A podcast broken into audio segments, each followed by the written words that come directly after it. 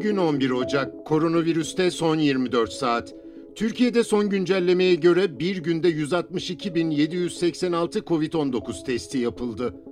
9.138 kişinin testi pozitif çıktı. 176 kişi yaşamını yitirdi.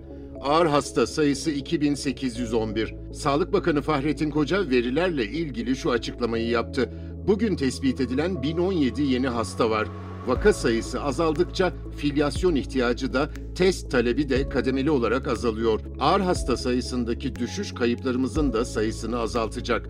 Netice aldığımız kısıtlama ve tedbirlere uymaya devam edelim. Aşılar nasıl dağıtılacak?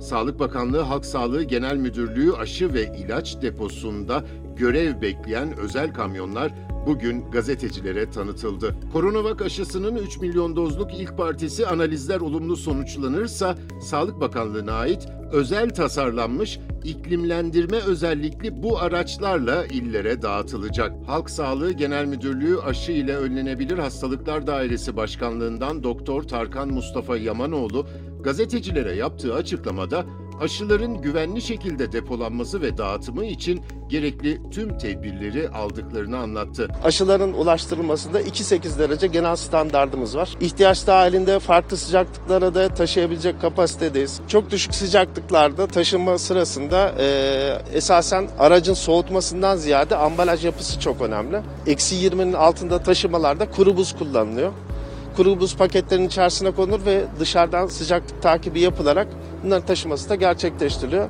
Zaten rutinde şu anda birçok malzemede hem bizim hem özel sektör tarafından yapılan bir uygulamadır. Yola çıkıldıktan sonra çıkacak sorunlara karşı B planları da hazırlanmış. Lojistiğin ve taşımacılığın temel kuralı riskleri iyi yönetebilmektir. Bu konuda tecrübemiz oldukça e, gelişmiş durumda. Araç arızası olduğunda yapılacaklarımız bellidir, yapacaklarımız. E, klima arızası olduğu zaman onunla ilgili yönetim sürecimiz de belli.